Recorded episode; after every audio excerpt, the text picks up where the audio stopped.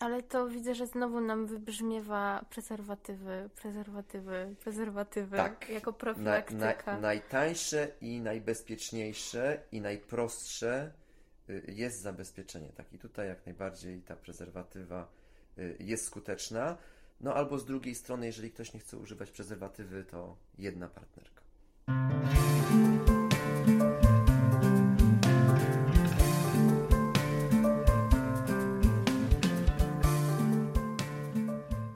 Witam Państwa bardzo serdecznie na naszej audycji Skarby w dłoń. Dzisiaj jest z nami e, lekarz medycyny Łukasz e, Wojnar. E, dzień dobry.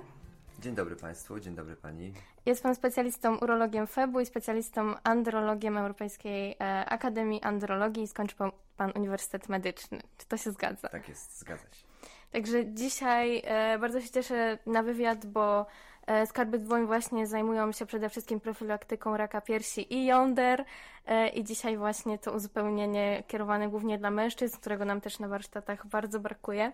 Także mam nadzieję, że uda się rozwiać e, wszelkie wątpliwości. E, No i nie będę udawać, będę pytać z perspektywy kobiecej, także z troską i w intencji wszystkich, którzy mają to, czego ja nie mam, czyli penisa, jąder, prostaty, więc z troską o ojców, chłopaków, kolegów, partnerów. I może takie pierwsze pytanie, mm, właśnie, mówię cały czas będę z tej perspektywy jednak. Mm, Właściwie, jeżeli chciałabym się o nich wszystkich martwić, e, to, to co jest u nich takim największym ryzykiem u mężczyzn, jeśli chodzi o nowotwory?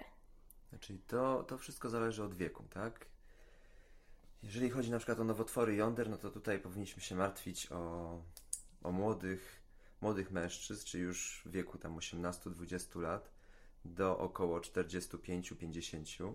Jeżeli chodzi znowu o raka prostaty, to powyżej 40-45 roku życia należy już wtedy y, y, takich pacjentów jakby kierować na badania. No i oni też powinni jakby profilaktycznie udać się do lekarza i, i przeprowadzić takie, takie badania. Więc no jakby o, ogólnie można powiedzieć, że w każdym wieku niestety jakiś nowotwór może się przytrafić. Czyli ma Pan pacjentów z całego przedziału wiekowego? Dokładnie. Czyli jak najbardziej słuchacze 18, e, 20, czyli tak zwani młody, młodzi dorośli, do których głównie się kierujemy, również e, powinni się o nowotwory Ci, ci martwić. młodzi To dorośli czasami dotyczy. się bardziej boją niż ci starsi. Tak? Na tej zasadzie tak i tutaj oni muszą pamiętać, że, że nie ma czegoś takiego jak wstyd. Jeżeli chodzi o zdrowie, to trzeba jak najszybciej y, y, udać się do lekarza, jeżeli wyczuwamy, że coś jest nie tak, jeżeli coś czujemy, że coś jest podejrzanego, a nie jesteśmy w stanie ze stuprocentową pewnością stwierdzić, że to nie jest na przykład nowotwór, to lepiej zasięgnąć opinii specjalisty. E, czyli mm, może tak idźmy po kolei. Czym w takim razie jest rak jądra? Znaczy, rak jądra jest to nowotwór, który mm, się y, y, jakby powstaje w jądrze. Komórki nowotworowe to są takie komórki, które jakby y, można powiedzieć różnicują się bez żadnego, bez żadnej kontroli. Tak? W ten sposób powstaje nowotwór. Nowotwór, jeżeli jest umiejscowiony w jądrze, on bardzo często jest niestety y, y, skryty, ponieważ te komórki, one tworzą taki twardy guzek i ten guzek często może być jakby bardzo słabo wyczuwalny, albo pacjent może nawet na niego w ogóle nie zwrócić uwagi. A niestety ewentualne przerzuty, które mogą towarzyszyć y, rakowi jądra, już są bardziej ukryte. To już wszystko jakby przechodzi w okolicę około aortalną i tam już się to wszystko odbywa. W tym miejscu niestety już nie jesteśmy w tego normalnie w stanie zobaczyć. Dlatego ta profilaktyka, to samo badanie jest tutaj bardzo, bardzo ważne. A właśnie my mamy samobadanie piersi. Jak to jest z samobadaniem jąder? Y, Tutaj, jeżeli chodzi o samo badanie jąder, jak najbardziej jest to wskazane. Niektórzy podają, że raz na miesiąc, niektórzy podają, że raz na tydzień. Najlepiej zrobić takie badanie albo pod, prysz- pod, pod prysznicem, albo jeżeli jest wtedy, kiedy jesteśmy zrelaksowani, tak? Powinniśmy mieć y, y, rękę w temperaturze ciała, żeby nie była za zimna. Badanie jąder wykonujemy takim ruchem okrężnym. Można powiedzieć tak kolokwialnie, że szukamy y, w jajku na miękko, szukamy takiego groszka, tak? Na tej zasadzie. Tu, jeżeli chodzi o to samo badanie, to tak jak na przykład mężczyźni mogą kontrolować piersi kobiety, tak samo partnerki, żony czy matki mogą kontrolować tutaj jądra swoich partnerów na tej zasadzie, żeby też to wykryć, tak? Bo tutaj jakakolwiek mała zmiana, która nie jest jakby zmianą anatomiczną, powinna być skontrolowana. Tutaj bardzo łatwo y, można sobie porównać z drugim jądrem. Jeżeli w drugim jądrze nie wyczuwamy podobnej zmiany, to wtedy powinna nam się zaświecić lampka, że coś jest nie tak. Czyli po tym poznać, że to jest coś nie. Że może być coś podejrzanego. Tak, I, i to faktycznie będzie czuć takie zgrubienia. Powinno być czuć takie twarde, tak, na tej zasadzie. Mhm. Też, jeżeli już można przejść do następnego pytania, tutaj yy, ogólnie jest tak, że nowotwory jakby nie bolą, tak? Ale przy tym badaniu może być wyczuwalna taka tkliwość delikatna, może też być powiększenie tego obszaru, jakiś obrzęk. Ale to niestety jest wszystko niespecyficzne. To się zdarza w około tam 20-30%. Mhm. Czy jeszcze są jakieś inne objawy, które mogą być towarzyszące poza tkliwością, powiększeniem i właśnie wyczuwalnym guzem? Tutaj niestety nie ma takich specyficznych objawów. Rzadko, w około tam kilku procentach zdarza się na przykład powiększenie piersi, czyli ginekomastia, tak? Ból jakiś pleców, ból brzucha już się zdarza przy bardziej zaawansowanych chorobach, przy bardziej zaawansowanym etapie choroby, tak? Czyli już mamy na przykład do czynienia z przerzutami, tak? Wtedy możemy mieć te dolegliwości. Y, bóle kostne, jakieś zaburzenia neurologiczne, ale to już jest wszystko na tym późniejszym etapie. Niestety na tym etapie, kiedy no, medycyna czasami już może się na przykład okazać niestety, ale nieskuteczna. Czyli idziemy jak najszybciej, jak tylko coś nas zaniepokoi do tak, lekarza. Bo niestety muszą Państwo wiedzieć, że nowotwory jąder mogą być śmiertelną chorobą.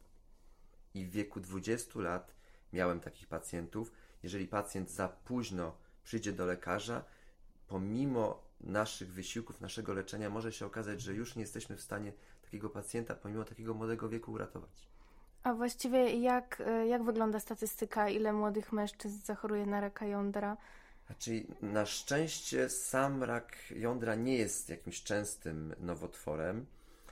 Około 3 do 5% pacjentów e, zachoruje na nowotwór jądra, ale no tak jak mówię, jest to bardzo mm, szybko postępujący nowotwór i ze względu na to, że jakby jądro jest małe i te zmiany są też bardzo małe, jest trudny do, trudniejszy do zdiagnozowania. Tak? Mhm. I tu niestety się liczy czas. Liczy się czas. I po to też profilaktyka i po to zgłosić do lekarza. No i moje pytanie. Najpierw, najpierw proponowałbym sam się zbadać. Jeżeli jest partnerka, to partnerka może zbadać. Jeżeli jest coś podejrzanego, to wtedy jak najbardziej do lekarza, ponieważ u lekarza, pomimo tego, że będzie pacjent zbadany, czyli też jakby zobaczymy, czy coś jest nie tak, to lekarz jeszcze wykona USG, które nam pokaże, czy to, co widzimy, to, co czujemy, jest jakąś zmianą podejrzaną. A mamy się zgłosić do urologa, czy do androloga, czy szukać pakietu? Tutaj, tutaj i urolog, i androlog jest dobrym adresem, więc zarówno oby, obydwie specjalizacje są tutaj A jak, jak najbardziej się, wskazane. Jak się powinno przygotować do takiej wizyty? Znaczy, no, no, to na tej samej zasadzie, jak pacjentka idzie do ginekologa, tak? No tutaj yy, yy, u panów troszeczkę to inaczej wygląda, ale no, powinna być przeprowadzona toaleta, czyli umycie jąder, umycie penisa. No i zapraszam. U nas jeszcze ma znaczenie dzień cyklu. Na szczęście wy tego problemu nie macie. Cały czas macie wszystko, co potrzeba przy sobie. Mm, to może jeszcze pytanie, jak wygląda taka wizyta u urologa czy androloga? Co dokładnie jest robione? Jakie są badania przeprowadzane? Czyli jeżeli chodzi o wizytę, jak ona wygląda, no to jest to, jest to wizyta, która no, musi przebiegać w jakby takiej ym, przyjaznej atmosferze, tak? Bo tutaj jakby dotykamy tych części intymnych y, y, życia mężczyzny, tak? Y, I no, w większości tak jest, że, że młodzi mężczyźni wstydzą się yy, przyjścia, do, przyjścia do urologa czy androloga, więc no tutaj panowie nie bać się, tak? Bo jeżeli coś jest podejrzanego, zapraszam, zarówno ja, jak i koledzy tutaj dołożymy wszelkich starań, żeby ta wizyta przebiegła sympatycznie. Yy, ogólnie pacjent przychodzi, siada, jest rozmowa, wywiad przeprowadzany, co się dzieje, od kiedy, później badanie, lekarz bada pacjenta, jeżeli coś jest podejrzanego, jakby zadaje dalsze pytania. USG, w USG jesteśmy w stanie stwierdzić, czy, czy mamy jakąś zmianę podejrzaną, to nam jeszcze bardziej jakby zawęża i różnicuje nam, z czym pacjent do nas przyszedł, tak? Bo na podstawie USG bardzo często jesteśmy w nowotworach jądra powiedzieć, tak, to jest nowotwór. Mhm. Tak? I tutaj to jest. I na- USG wystarczy? USG w większości przypadków wystarczy. Jeżeli nie jesteśmy tutaj pewni, albo jakby no, pewne rzeczy, czyli na przykład tak jak y, y, dalsza diagnostyka, jak na przykład markery nowotworowe nie są podwyższone, możemy przeprowadzić rezonans. Ale jest niestety tak, że jeżeli zmiana jest twarda, y, pacjent nie podaje żadnego urazu w wywiadzie y, i w USG mamy podejrzane ognisko, no to na 99% jest to nowotwór. Mhm. A czy właśnie chciałam zapytać, czy są jakieś zmiany poza guzami, które możemy sobie w jądrach wyczuć?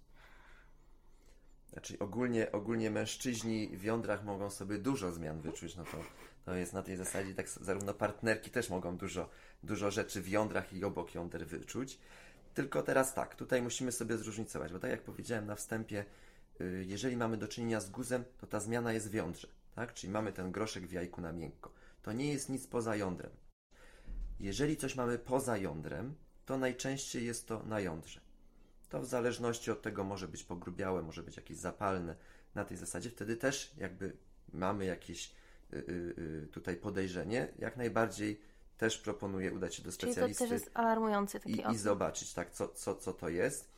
Ale najczęściej, na szczęście, to nie jest nowotwór. Tak, bo nowotwór jest w środku jądra i one, powiem szczerze też z doświadczenia, że zdarzały się przypadki, i to nie takie rzadkie, że przychodził pacjent zupełnie z innego powodu. I takie zwykłe badanie USG, y, no owszem, pacjent musi jakby no, powiedzieć, że chce to badanie, bo normalnie też nie możemy zmusić pacjenta do wykonania takiego badania USG, że przy badaniu USG wychodziła, że jest podejrzana zmiana. Tak, na tej zasadzie. Więc tutaj, nawet jeżeli idziemy do urologa z inną sprawą, panowie nie bać się, odsłonić, pokazać jądra, trzeba je też zbadać. I prosić o USG. I poprosić o USG. Dokładnie. Mm, Jakie w sumie są czynniki takie etiologiczne zachorowania na raka jądra? Co zwiększa ryzyko? Znaczy, no tutaj z czynnikami y, y, powstawania raka jądra, y, to co jest takie najważniejsze, to, to mamy do czynienia z wnętrostwem. Czyli wnętrostwo to jest albo brak zejścia jąder domoszny, albo opóźnione schodzenie na tej zasadzie. I tutaj to jest też wskazówka dla przyszłych mam, żeby badać swoje dzieci, czy te jąderka są w worku mosznowym, czy nie. Bo jeżeli one jakby nie schodzą, albo w ogóle ich nie ma, no to tutaj jest też problem do rozwiązania jak najszybszego, ponieważ takie wnętrostwo w późniejszym wieku, a w szczególności wieku dorosłe, dorosłości, może powodować zwiększone występowanie nowotworów jądra i to nawet kilkunastokrotnie. Więc no tutaj jest to jakby do, bardzo ważne, żeby to, żeby to kontrolować. Następnym jakby czynnikiem A tylko jeszcze dopytam, w jakim wieku dokładnie powinny zejść e, no jądra? tak do, do y, 18 miesięcy. Do 18 miesięcy. Tak, i one powinny, powinny być wyczuwalne, tak, bo one mogą się przemieszczać, ale one, jeżeli nie mamy w ogóle, nie wyczuwamy jąder, to też jest sygnał dla, przede wszystkim dla, dla pań, tak, dla mam, bo, bo mężczyźni tak nie będą y, y, często badali, nawet jeżeli to będzie syn, ale to panie jakby tutaj na nich spoczywa większy, większy obowiązek, żeby zobaczyć, czy te jąderka są w mosznie, bo jeżeli nie ma, to jak najszybciej udać się do y, tutaj urologa pediatry, tak, na tej zasadzie. Z bo takim to- maluchem. z takim maluchem, dokładnie, żeby zobaczyć, czy wszystko jest ok, bo tutaj dbamy o jego przyszłość, tak? Po pierwsze, chronimy go przed nowotworami jąder, a także tutaj, jeżeli y, okazałoby się, że te jądra jakby nie schodzą, czy są wędrujące, przeciwdziałamy ewentualnej, y, ewentualnemu ograniczeniu płodności, tak? Bo płodność też może niestety się obniżyć przy, w takim przypadku. Y, Następna przyczyna to nowotwór jądra, który wystąpił wcześniej, tak? czyli drugiego jądra. To też niestety zwiększa prawdopodobieństwo nowotworu następnego jądra. Y, Różnego rodzaju y, dysgenezję gonad, tak? czyli tutaj przy zaburzeniach płci mówimy. Też może wystąpić w różnego rodzaju zespołach, na przykład w zespole zespole Downa. To by było chyba wszystko. Dobrze. Czy są jakieś typy raka jądra? Tutaj, jeżeli chodzi o nowotwory jąder, to najczęściej mamy do czynienia z nowotworami y, zarodkowymi. Niestety tutaj to, co już mówiłem y, wcześniej, że tutaj czas się liczy, one są niestety groźne. Czy mówimy o mężczyznach 20, Mówimy 18? o mężczyznach tak 20-35 lat. Tutaj panowie nie ma tutaj żartów. Jeżeli cokolwiek jest, to macie ten gorszy typ nowotworu i jak najszybciej do badania i do diagnostyki, żeby tutaj wyciąć to jądro, bo to jest jakby takie y, y, najlepsze leczenie, jeżeli chodzi o te najbardziej radykalne y, y, leczenie y, nowotworów jądra. Jeżeli chodzi o pacjentów, i to mamy w wieku tak gdzieś około y, 35-45 lat, tu już mamy mniejszą złośliwość, już te nowotwory też wolniej rosną, tak? Tutaj już nie ma takiego progresu, tak? Bo nienas- nienasieniaki potrafią nam, na przykład jeżeli się nie będziemy badać albo będziemy myśleli, że tak, odłóżmy sobie tą decyzję o pójściu na przykład do urologa czy androloga o pół roku, to przez te pół roku przy nienasieniakach może się naprawdę bardzo dużo złego zadziać. Czyli nie zwlekać. Nie zwlekać. Mm, A jeszcze takie pytanie, bo też czytałam gdzieś, słyszałam o tych e, znacznikach krwi, które się wykrywa. E, Czy jest coś takiego pod względem diagnostycznym? To sztandarowe PSA. Tak I o jest. co z tym chodzi? PSA jest tutaj przy prostacie, przy nowotworach prostaty. Natomiast jeżeli chodzi o markery nowotworowe, bo o tym tutaj mówimy, no to przy raku jądra, no to przede wszystkim mamy trzy markery, które jakby są takie sztandarowe. To jest gonadotropina kosmówkowa, czyli beta-HCG, alfa-fetoproteina, czyli AFP i dehydrogeneza mleczanowa, czyli LDH. I te trzy markery, jeżeli są podwyższone, one nam tutaj wskazują, że tak, mamy do czynienia z nowotworem jądra. Tylko, że może się okazać, że mamy nowotwór, w którym nie mamy podwyższonych markerów. Więc tutaj jakby same markery nie załatwiają nam sprawy, bo niestety jest tak, że nie we wszystkich nowotworach, przede wszystkim w nienasieniakach te markery są podwyższone w 90%. Ale mamy te 10%, a natomiast w nasieniakach może być tylko na przykład jeden z markerów, czyli beta-HCG może być podwyższony, ale też na przykład tylko u 20-30% pacjentów. Czyli bad- badania markerów e, w diagnostyce, nawet jeżeli jakby nie wykluczają, że nowotwór możemy mieć, nawet Czyli- jeśli ich nie będzie. Te markery nowotworowe nam ułatwiają dalszą diagnostykę, ale nie wykluczają nam nowotworu. Tak? Mając ujemne markery, nie możemy powiedzieć tak, na 100% pan nie ma nowotworu. Tutaj trzeba przeprowadzić dalszą diagnostykę i albo jeżeli na przykład podejrzewamy, że to może być zmiana, która nie jest o typie nowotworu, to jeżeli nie jesteśmy do tego pewni, to powinniśmy na przykład w USG, jeżeli mamy podejrzenie, że jest nowotwór, markery nam wychodzą ujemne, to nadal nie możemy jakby nad tym spać spokojnie. Musimy przeprowadzić dalszą diagnostykę, czy na przykład wykonać tomografię komputerową albo rezonans, który, rezonans magnetyczny, który nam powie, czy jest to zmiana o typie łagodnym, czy o typie złośliwym. Bo jeżeli jest o typie złośliwym, to tak jak powiedziałem, nie mamy na co czekać. A to właściwie idąc dalej, e, jakie są metody leczenia raka jądra? No tutaj, tak jak już zostało wspomniane wcześniej, najlepszą metodą leczenia nowotworu jądra jest niestety wycięcie tego jądra, tak? Czyli orchidektomia. Yy, tutaj wycina się to jądro z dostępu przez kanał pachwinowy, czyli po prostu wycinamy jądro z powrózkiem nasiennym, żeby te wszystkie komórki nowotworowe, które już tam zaczęły się tam powolutku rozprzestrzeniać, tak, na tej zasadzie, żeby to wszystko jakby wyciąć. Jeżeli na przykład mamy nowotwór jedynego jądra, to tutaj w zależności od tego, ile pacjent ma lat, możemy starać się zachować to jądro, ale to wszystko zależy właśnie od tych czynników, od wieku, od tego, czy pacjent ma dzieci i oczywiście od wielkości tego guza. Bo jeżeli ten guz ma więcej niż yy, przerasta większość tego jądra, no to nie jesteśmy w stanie zachować tego jądra. Musimy niestety usunąć to jądro w całości. A jak to wygląda właśnie z zachowaniem płodności wtedy u mężczyzn? Znaczy, jeżeli chodzi o zachowanie płodności, tutaj niestety jest tak, że, że mm, nowotwory jądra idą w parze y, z obniżoną płodnością. Tutaj około 50% y, pacjentów, y, którzy mogą mieć, którzy mają nowotwór jądra, mają obniżoną płodność. Tak? Niektórzy tutaj podają też, że jakby niepłodność może być przyczyną też nowotworów jądra, albo odwrotnie. Na tej zasadzie. Ogólnie jest tak, że jeżeli wytniemy jedno jądro, czyli wykonamy tą orchidektomię, ta płodność powinna nam spać niewiele, bo około tam 10-15%. Ale dochodzi tutaj kwestia, na ile pacjent był płodny przed zabiegiem.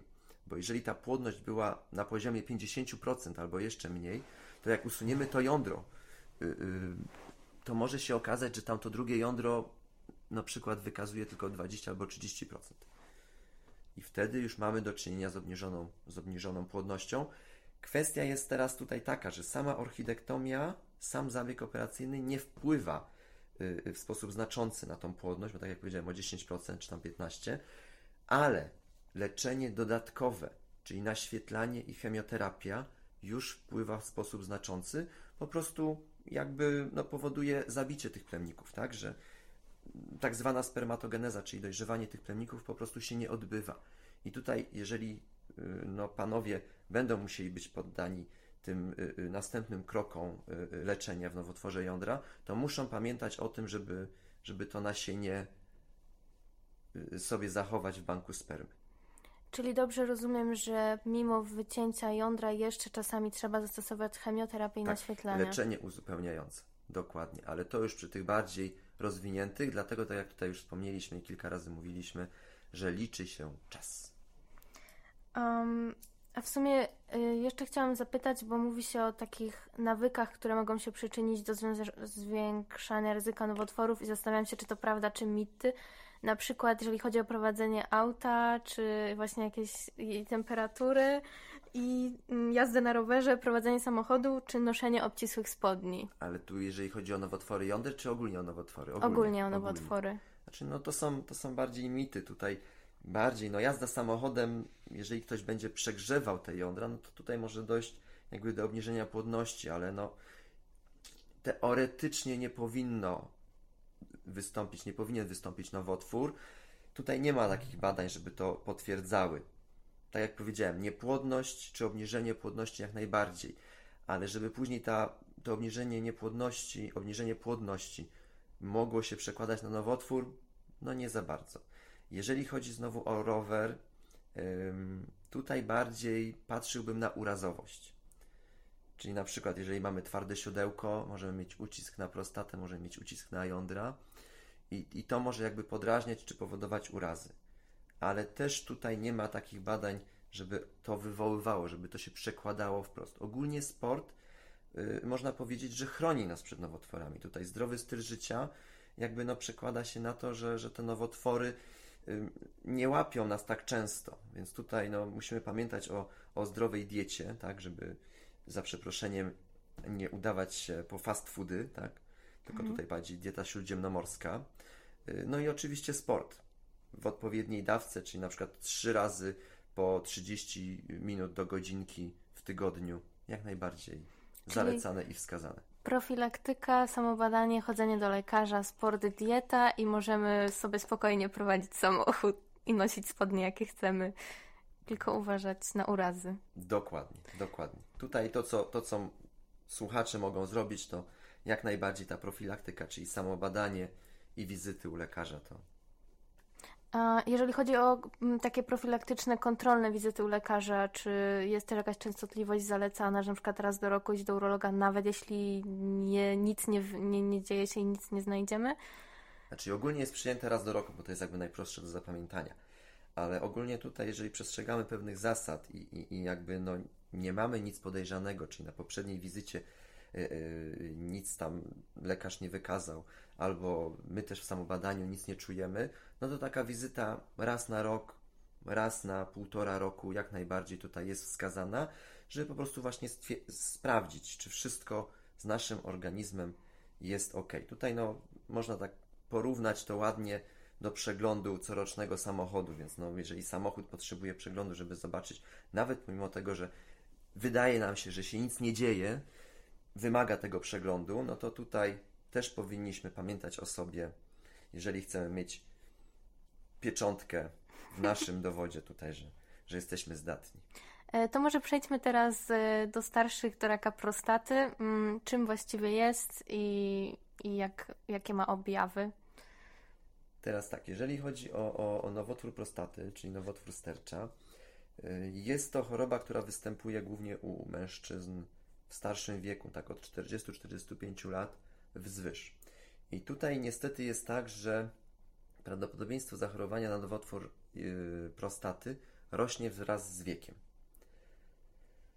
Czyli im starszy mężczyzna, tym większe prawdopodobieństwo. Tutaj też ważnym czynnikiem, to co już można jakby zebrać z wywiadu, rozmawiając z pacjentem, jest wywiad rodzinny, czy w rodzinie taka choroba występowała, bo wtedy też mamy większe prawdopodobieństwo tego nowotworu i też powinniśmy jakby częściej chodzić do lekarza. Tutaj zarówno właśnie z rakiem prostaty, jak i też wcześniej z rakiem jądra. Jeżeli ktokolwiek w rodzinie wcześniej chorował na podobny nowotwór, tutaj powinniśmy jakby przestrzegać tych wszystkich zaleceń i, i kontrolować się, żeby mieć to wszystko, wszystko w głowie.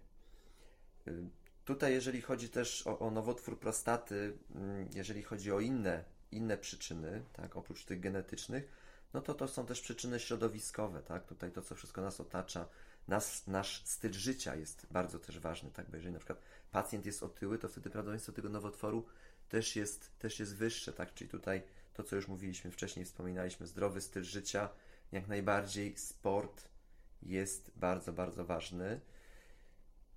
Innymi czynnikami, które mogą spowodować, to mogą być też choroby, na przykład przenoszone drogą płciową, więc tutaj też trzeba y, y, na to uważać. Niektórzy, niektórzy podają, że może powodować większe prawdopodobieństwo nowotworu y, jądra, mm, różnego rodzaju zapalenia prostaty, to może być związane na przykład z częstotliwością, jeżeli chodzi o y, współżycie seksualne, ale niektórzy znowu pokazują, że współżycie jakby tutaj seksualne i, i, i jakby ta odpowiednia praca prostaty powinna bardziej wpływać y, y, kojąco i, i jakby zmniejszać to prawdopodobieństwo nowotworu. Więc tutaj są różne jakby różne teorie, ale no tak jak już tutaj, żeby jakby mm, mm, zakończyć ten temat, Tutaj najważniejszy jest dieta i sport. Czyli nie ma połączenia między dużą ilością seksu a zwiększaniem ryzyka. Znaczy, no tak jak powiedziałem, no tutaj jakby no, te badania jakby nie są do końca takie spójne. No, mhm. Moim zdaniem y, większa ilość seksu powinna zmniejszać y, y, prawdopodobieństwo raka prostaty, więc no tutaj im ten seks będzie częściej, no to wtedy to prawdopodobieństwo y, raka prostaty powinno być mniejsze tylko musimy pamiętać, że ten seks musi być bezpieczny, bo niestety już choroby przenoszone drogą płciową wpływają w odwrotny sposób. Mhm. Więc to trzeba pamiętać, że najlepiej jedna partnerka i częsty seks. A właściwie jak się objawia e, rak prostaty? Co nas powinno zmartwić? E, tutaj niestety nie ma takich objawów, które by spowodowały, że tak, na pewno mam raka prostaty, powinienem iść do lekarza i lekarz od razu postawi diagnozę. Te objawy są bardzo podobne do przerostu prostaty, tak? A niestety przerost prostaty z wiekiem występuje częściej u mężczyzn. Tak, już powyżej tam wieku 40 lat ta częstotliwość bardzo wzrasta. I tutaj jakby takie objawy podobne, no to można powiedzieć, że częstotliwość sikania, tak? Uczucie niepełnego wypróżniania się, chodzenie do toalety w nocy, Y, bóle podbrzusza, to jakby takie pierwsze y, objawy. Może w późniejszym etapie tutaj y, mogą wystąpić też jakieś bóle, bóle kostne, ale to już są takie objawy jakby przy bardzo zaawansowanych nowotworach, tak wtedy, kiedy mamy już do czynienia z przerzutami. Więc ogólnie, no niestety ta prostata nie jest taka prosta do zdiagnozowania i tutaj dlatego ważne jest właśnie wykonywanie y, y, tych badań y, laboratoryjnych, czyli badania PSA corocznie, no i kontrolne badania urologiczne. Tutaj w wieku 40-45 lat, no panowie też niestety się troszeczkę boją przyjść, przyjść do lekarza, więc tutaj bardziej to kieruję do pań. Jak panie chcą, żeby Mm, mężczyzna, partner się przebadał, to lepiej nie wnikać, nie mówić dokładnie, co będzie na tej wizycie urologicznej, a zaprowadzić tego mężczyznę, partnera do urologa. To badanie no, nie należy do przyjemnych, ale też nie jest bolesne, tak? To, to nie jest tak, jak się w większości osób wyobraża, że, że dzieje się coś no, bolesnego i nie do przeżycia.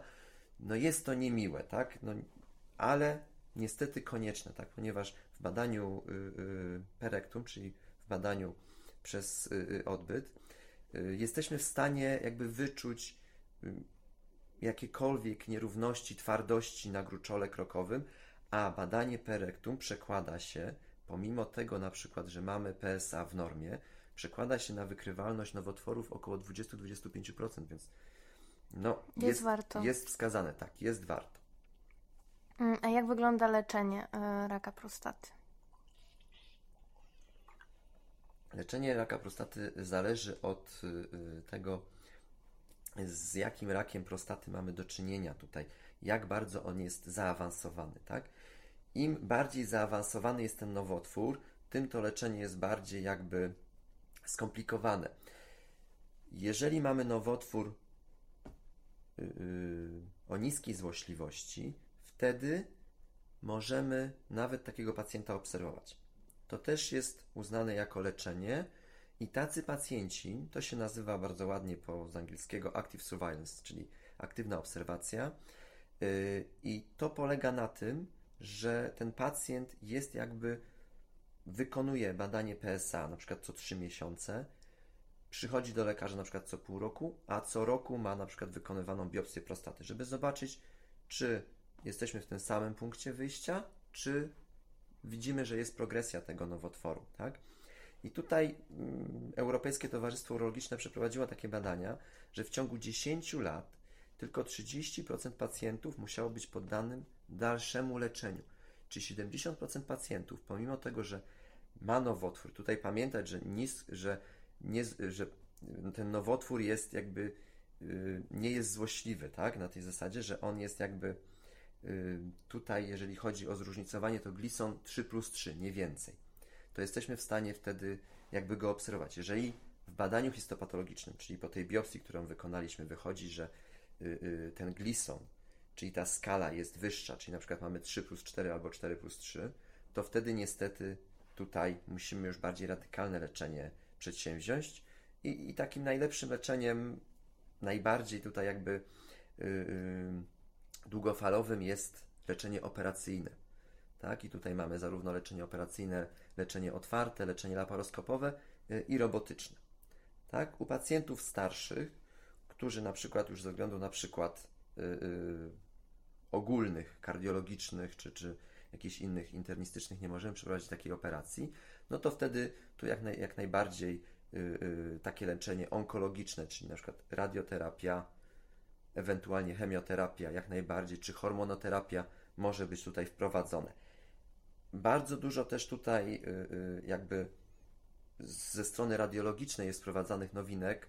Tutaj ja jestem akurat urologiem, więc no, ja nie wykonuję takich zabiegów, ale y, radioterapeuci mają bardzo dużo urządzeń, jak na przykład CyberKnife, który jest w stanie jakby dorównać też leczeniu operacyjnemu, tylko tutaj nie mamy tego wycięcia, tak, nie wycinamy tego gruczołu.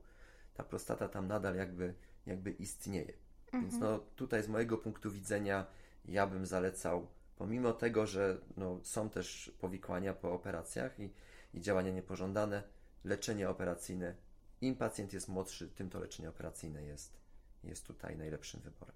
Jeszcze może proszę o takie sprostowanie, czym jest ta skala Glisona? Y, y, skala Glisona jest to skala, y, w której jakby histopatolog nam ocenia zróżnicowanie tutaj tego nowotworu im ta skala jest wyższa, tutaj mamy jakby z dwóch ognisk y, y, porównujemy wycinki y, i jeżeli ta skala jest na przykład 3 plus 3, czyli dwa wycinki mamy jakby tak średnio zróżnicowane, wtedy tak jak powiedziałem, możemy obserwować takiego pacjenta. Jeżeli mamy powyżej 3, czyli na przykład z jednego wycinka mamy 4, a z drugiego 5, no to wtedy mamy, widzimy, że ten nowotwór jest jakby bardzo taki zaawansowany, tak? I wtedy to leczenie no, musi się odbyć natychmiast w zależności od tego, czy mamy naciek czy to jakby jesteśmy w stanie też, też uwidocznić, bo tutaj jak najbardziej ta biopsja jest tutaj y, y, podstawowym badaniem, żeby nam określić, czy mamy tutaj do czynienia z nowotworem, ale mamy też inne badania y, diagnostyczne, jak na przykład rezonans magnetyczny, który nam pomaga umiejscowić ewentualne ognisko raka i też nam mówi przed leczeniem operacyjnym, czy mamy naciek poza torebkę, czy, czy jakby te wszystkie komórki nowotworowe są jeszcze w prostacie. Um, teraz chciałam zapytać jeszcze raz o genetykę. Rozumiem, że pod względem tego i jak genetycznie możemy mieć podwyższone ryzyko nowotworu, to głównie prostata, czy, czy coś jeszcze u mężczyzn?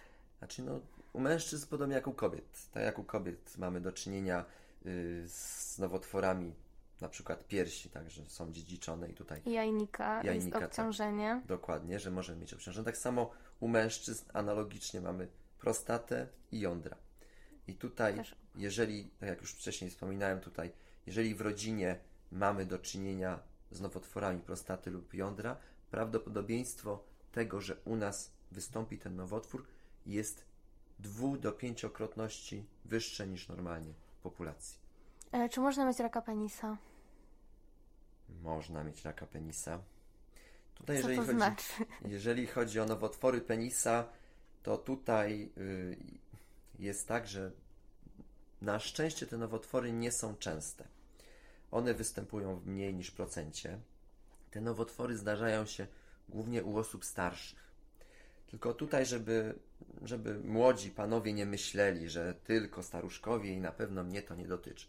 Tutaj jest niestety tak, że te nowotwory penisa zdarzają się z powodu y, y, częstych zapaleń, na przykład y, w okresie wcześniejszym, z powodu chorób przenoszonych drogą płciową, szczególnie tutaj y, y, dotyczy się to HPV, tak? czyli Wirus. wirusa, dokładnie brodawczaka ludzkiego. Więc no tutaj w wieku tak 20-25 lat też trzeba dbać o to, żeby nie było tego y, y, nowotworu. Y, tak samo jak mamy prewencję, na przykład u kobiet, tak, bo mamy mm, tutaj szczepionkę, która niestety w obecnych czasach jest bardzo, bardzo trudno dostępna tak, na rynku. Tak, niestety. Dokładnie, która nam chroni kobiety, to nie ma badań, ale y, androlodzy, profesorowie andrologii zalecają stosowanie też u młodych mężczyzn tą szczepionkę właśnie prewencyjnie, tak, żeby po prostu zmniejszyć ewentualnie tutaj po pierwsze rozprzestrzenianie HPV, a po drugie ewentualne właśnie prawdopodobieństwo w wieku późniejszym raka, raka penisa. Ale to widzę, że znowu nam wybrzmiewa prezerwatywy, prezerwatywy, prezerwatywy tak. jako profilaktyka. Na, na, najtańsze i najbezpieczniejsze i najprostsze y, jest zabezpieczenie. Tak i tutaj jak najbardziej ta prezerwatywa y, jest skuteczna. No albo z drugiej strony, jeżeli ktoś nie chce używać prezerwatywy, to jedna partnerka. To A, jest jakby czyli tutaj. Monogamia. Tak. E, czy jest coś takiego jak odporno, oporność na kastrację? Oporność na kastrację. Tak, to zależy, to zależy, do mnie coś takiego. Zależy z czym to jemy na tej zasadzie, bo tutaj prawdopodobnie podejrzewam, że y, wyczytała Pani to gdzieś w związku z rakiem prostaty. Mhm. Bo oporność na kastrację będzie wtedy występowała, kiedy podajemy jakieś leki i chcemy tymi lekami uzyskać tą kastrację. Tutaj, jeżeli chodzi o kastrację, no to normalnie jakby mężczyzn nie kastrujemy, tak? Bo tutaj dla Państwa, jeżeli Państwo nie wiedzą, no to wykastrowanie to znaczy usunięcie jąder, tak? Na tej zasadzie i zmniejszenie y, y, poziomu testosteronu do y, bardzo niskich wartości albo do w ogóle wyeliminowaniu tego hormonu. I tutaj, jeżeli chodzi o tą oporność na kastrację, obserwujemy takie zjawisko u pacjentów, którzy są poddani leczeniu, y, którzy mają raka prostaty. I to niestety się tak odbywa, że podajemy pewne leki i okazuje się, że te leki niestety nie działają na tego pacjenta. Że ten rak prostaty, pomimo zastosowania tutaj y, hormonoterapii, niestety, ale nadal się rozwija. Są to w większości nowotwory, które są już nowotworami paliatywnymi, tak? Bo tutaj już mamy do czynienia u tych pacjentów z PSA rzędu 50, 100, czasami nawet więcej. Tak? I, i, i ta hormonooporność y, na szczęście nie wytwarza się tak od razu. Tak? To występuje bardzo rzadko. Częściej występuje wtedy, kiedy już pacjent był leczony, tak? I podejmujemy następną jakby próbę leczenia. Czyli to jakiś szczególny przypadek i raczej dotyczy właśnie bardzo e, starszych mężczyzn. Starszych mężczyzn, tak, i, i, i, i rozwiniętego nowotworu prostaty, więc tutaj okay. badanie przede wszystkim. A jeszcze chciałabym zapytać, jak Pan postrzega, jak się prezentuje Polska pod względem diagnostyki nowotworów i leczenia na tle takim światowym? Jak Pan to ocenia? Znaczy, no, wydaje mi się tutaj z punktu widzenia polskiego urologa i androloga, że, że ta profilaktyka y, dobrze funkcjonuje, albo dobrze funkcjonowała, bo y, no, mamy rok 2020, wrzesień, niestety tak. mamy erę pandemii i tutaj trzeba niestety powiedzieć, że y, pacjenci się boją, boją się przychodzić. Jest to z jednej strony zrozumiałe, ale z drugiej strony no, choroby nowotworowe nie czekają. I tutaj jakby no, każde opóźnienie działa niestety na niekorzyść i zmniejsza później naszą szansę uratowania y, tego pacjenta, no i wyleczenia, wyleczenia go z tej choroby. Więc tutaj pomimo tego, że mamy pandemię, musimy się zachowywać Y, y, odpowiedzialnie, czyli nosić maseczki, zachowywać dystans, ale musimy też pamiętać, że życie nie kończy się tylko na, na jednej chorobie, tak? I na COVID, jednym wirusie. Dokładnie. COVID nie jest jedyną chorobą, mamy też inne choroby. I niestety tutaj były robione badania, że y, ilość pacjentów, którzy właśnie przychodzą i, i profilaktycznie się zmniejszyła, przez co na pewno przyszłości zaobserwujemy, że zaawansowanie pacjentów, którzy trafiają do lekarza, jest większe i przez to, tak jak wspomniałem wcześniej, też wyleczalność będzie niestety, ale niższa. Bo tutaj wczesne wykrycie też yy, faktycznie przekłada się na leczenie. Wczesne wykrycie przekłada się na odpowiednie leczenie i przekłada się później na odpowiednie przedłużenie życia, tak, albo całkowite wyzdrowienie.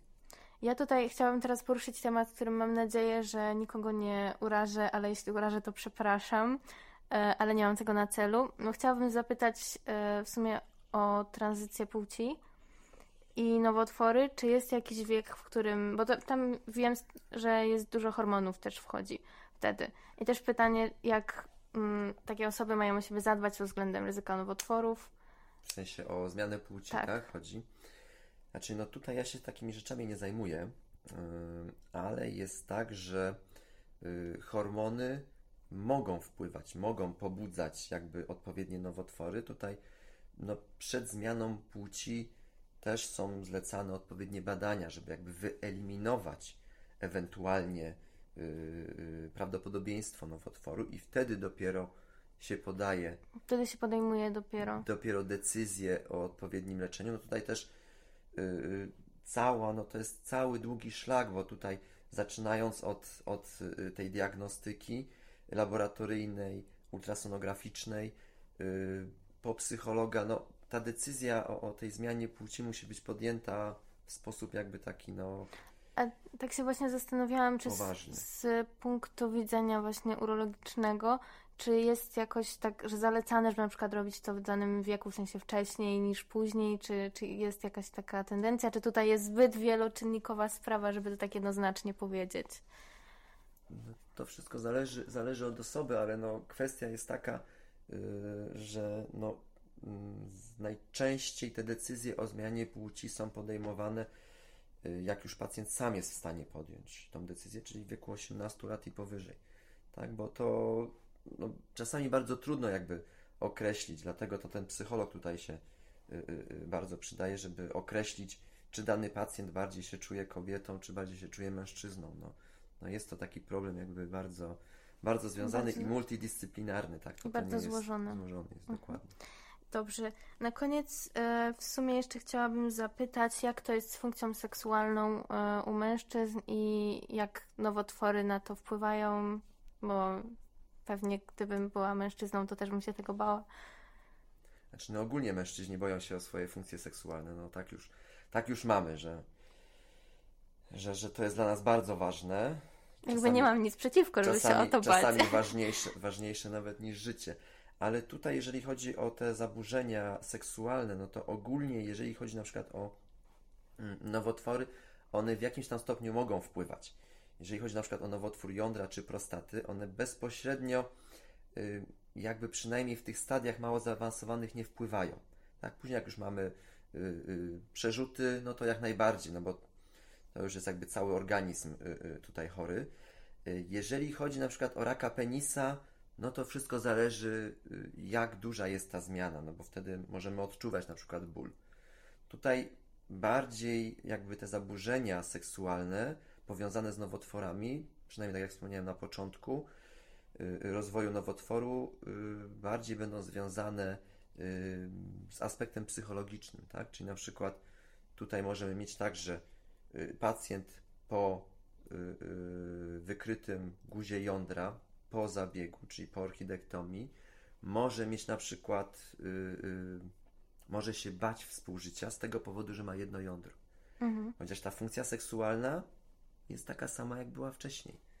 Tak? Jeżeli chodzi o raka penisa, tutaj, jeżeli mamy do czynienia z jakąś tam zmianą na penisie, no to może go to podrażniać, może go to boleć na tej zasadzie yy, i powodować to, że ten seks zamiast przyjemności, zamiast czerpać przyjemność z tego yy, z seksu, bardziej jest to dla niego bolesne. Więc no, tu też jakby, no, jak boli.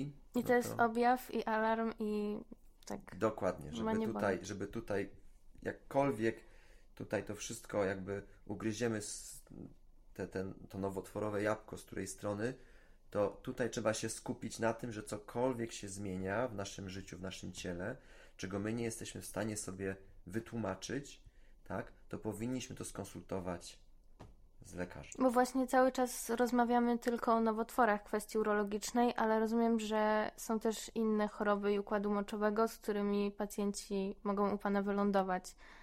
Tak jest, mogą do mnie przyjść i tutaj urolog nie tylko zajmuje się mężczyznami, bo urolog też się zajmuje kobietami, więc drogie Panie, jakby miały Panie jakiekolwiek problemy urologiczne, czyli na przykład zapalenia pęcherza moczowego, kolki nerkowe, czy inne problemy, też oczywiście zapraszamy na badanie. Dobrze. E, w sumie ode mnie to tyle. Dam panu czas wolny. Jeżeli chce pan coś powiedzieć jeszcze naszym słuchaczom, to oddaję panu mikrofon. Chyba, że już wyczerpaliśmy temat. No, wydaje mi się, że tutaj te pytania zostały wyczerpane. Na pewno wszystkiego nie powiedziałem. No, ten czas jednak nie jest aż taki, taki długi, więc temat jest bardzo szeroki.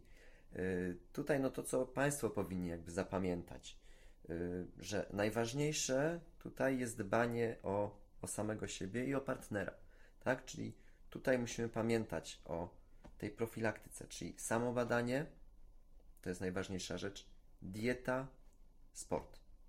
Jeżeli cokolwiek y, wyczuwamy, że cokolwiek się zmieniło, cokolwiek dla nas jest jakby inne, nowe i się niepokoimy tym, to nie zostawiać tego, że następnym razem załatwię to za pół roku czy za rok, bo może się okazać, że za te pół roku czy za rok już niestety będzie za późno.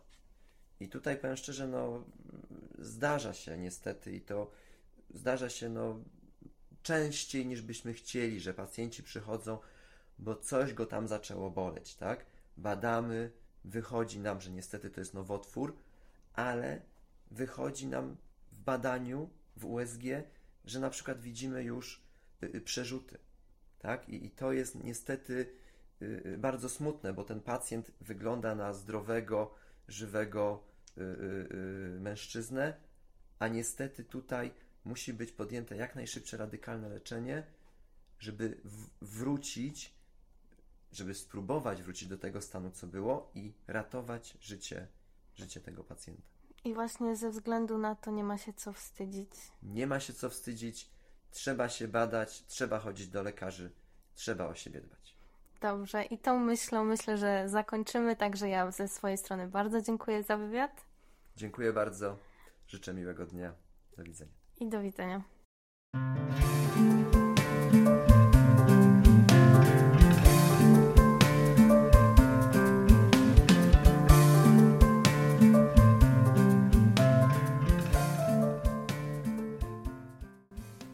Wywiad przeprowadziła dla Państwa Katarzyna Morańska z zespołu Skarby w dłoń. Nasz projekt realizowany jest przez studentów Wydziału Biologii Uniwersytetu imienia Adama Mickiewicza w Poznaniu. Za wsparcie budżetowe dziękujemy Parlamentowi Samorządu Studentów UAM oraz projektowi Kowadło 2.0. Wywiady nagrywamy także w ramach Poznańskiego Festiwalu Nauki i Sztuki, na który serdecznie zapraszamy. Dzięki bardzo i do usłyszenia.